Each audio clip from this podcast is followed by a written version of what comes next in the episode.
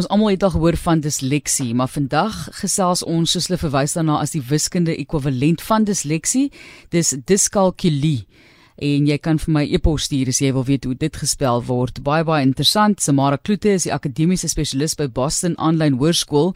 En kyk, ek weet hierdie is nou ernstige saak, maar ek ek dink dit maak vir baie mense wat ehm um, dalk sleg gedoen het in wiskunde op hoërskool ehm um, Samara uh, opgewonde want dalk is daar verduideliking vir daai slegte punte vir wiskunde. Eintlik gaan dit maar net oor die feit dat mens lui was, né? ja, natuurlik. Toe kom ons gesels net vinnig oor die woord. Mense kan daai afleidings maak, maar verduidelik vir ons wat diskalkulie is en hoe hou dit enigstens verband met disleksie? Ja, hallo. Ja, so disleksie is 'n leerprobleem wat uh probleme met lees, skryf en spel veroorsaak.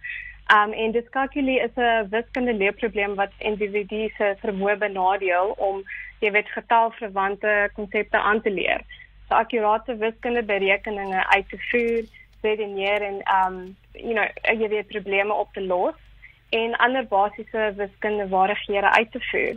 So ja, diskalkulie word soms jy weet getal disleksie of uh, wiskundige disleksie genoem.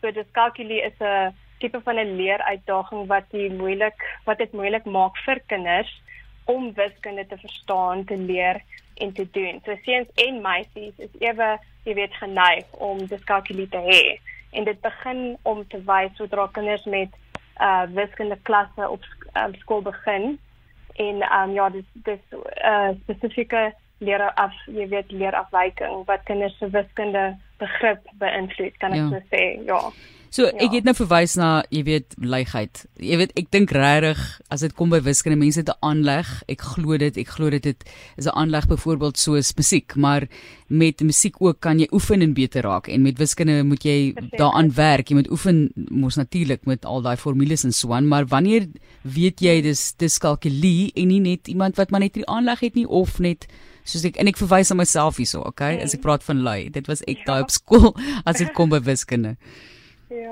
dis 'n baie goeie vraag. Ek dink ek dink 'n jong kind met diskalkulie kan die volgende tipe eienskappe openbaar. So ek sal sê, ehm um, hulle kan sukkel om getalle te herken. Ehm um, daar is 'n vertraging in hulle vermoë om te leer tel.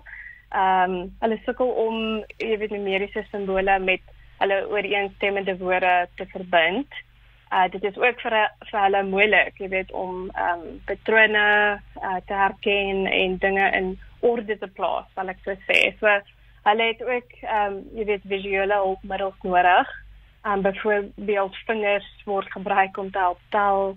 Ja, so aangesien wiskunde 'n groot deel van die skooldag word, wat kinders met ehm um, diskalkulie waarskynlik jy weet swaar kry om nommers soos poskodes, telefoonnommers of of uh, uh, spelletjie tellings te onthou ewen.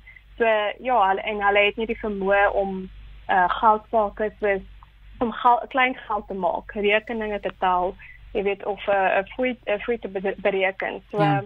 ehm um, en of ewen soos 'n cheque te verdeel of te skat hoeveel iets sal kos. En hulle ook ja, die probleem 'n uh, probleem hê om jy weet die lengte van afstande te beoordeel en hoe lank dit sal neem om van een plek na 'n ander te kan kom. So daai tipe ehm um, ja, daai tipe probleme kom op en ja, so dis ja, dit is maar bietjie moeilik vir hulle in in daai sin, ja.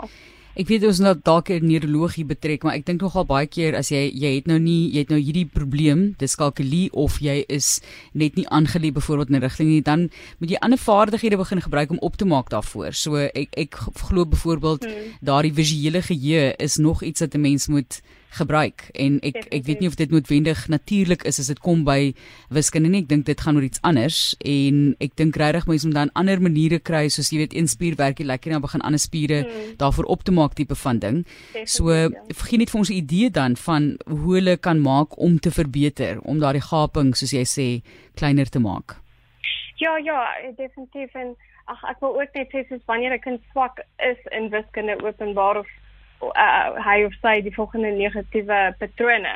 So dalk met ons eers da, na dit kyk. So hulle het vrees, hulle het jy weet hulle het angs en um, hulle word beïnvloed deur wat ander vir jou gesê het. Dit is ook 'n 'n ding en hulle vind dit moeilik om wiskundige konsepte of jy weet formules in die praktyk toe te pas. So soos jy gesê het, visuele um jy weet uh, sim, simbole en tipe van um um wat die woord soos body language te gebruik gaan hulle definitief baie baie help ja Kom ons gesels oor ouers se betrokkeheid hierso en wat hulle kan doen wanneer weet hulle hulle moet nou ekstra moeite doen daarmee. Ek dink met wiskunde is ekstra klasse altyd 'n goeie idee. Ek onthou dit was die mm. geval, maar baie kere is daar natuurlik nou nie die geld daarvoor nie. Dit kan baie keer duur raak, maar gee vir ons 'n idee van hoe die ouer betrokke kan raak in die oplossing van die probleem. Ja, nee, definitief. Wel, ek dink wel in die eerste plek, jy weet, ehm um, die student moet geassesseer word deur 'n um, opvoedkundige sielkunde. En ehm um, daar is toetse vir diskalkulie en dit kyk na 'n uh, verskeidenheid van wiskundige vaardighede. So dis die eerste stapie wat 'n ou, jy weet, 'n ouer kan vat. En ehm um, ek dink daar's ook 'n tipe van 'n uh, ons noem dit soos 'n bridging course. So ehm um, ehm um, ja, ons wat ons by oorbruggingskursus ja. ja presies ja wat ons by byvoorbeeld by Boston Online High School wat die Cambridge oplossing gekies het van weer die oorbruggens wiskunde kursus wat studente in staat stel om jy weet om in te haal en help om 'n stewige fundament ehm um, jy weet te, te vestig sodat hulle met hoofstroom wiskunde kan voortgaan. So maar as hulle nog steeds sukkel, jy weet dan soos ek gesê het, hulle moet gaan assesseer word met die jy weet sielkunde. En ek dink dit sluit ehm um, vaardighede soos hoof wiskunde en kwantitatiewe redening redeninge ag dis redenering in. Ja so ehm um, en toetsing vir diskalkulie kan ook uitwys of daar kwessies is met aandag ehm um, jy weet wat ook probleme met wiskunde kan veroorsaak. So as 'n ouer dit kan weet, dan weet hulle hoe hulle jy weet hulle kind kan ondersteun in daai manier as ek so kan sê ja. Samara van watter ouderdom al werk 'n mens met kinders en hoort jy dit nou eintlik op te tel? Ehm um, jy's nou betrokke as akademiese spesialis by Boston Online Hoërskool, maar is dit iets wat al in die laerskool aangespreek moet word en kan dit ook baie spanning by daardie kind, jy weet, wek as jy so kind sê nou maar nou net in die hoofstroom laat aankarring en die onderwyser mis dat dit eintlik die probleme is. Ja, definitief.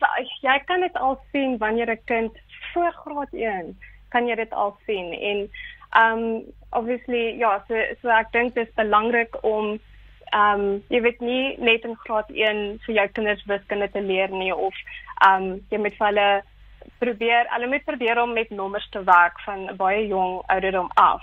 En dis wanneer ons kan sien het die kind probleme is is hulle okay, watter tipe probleme is dit?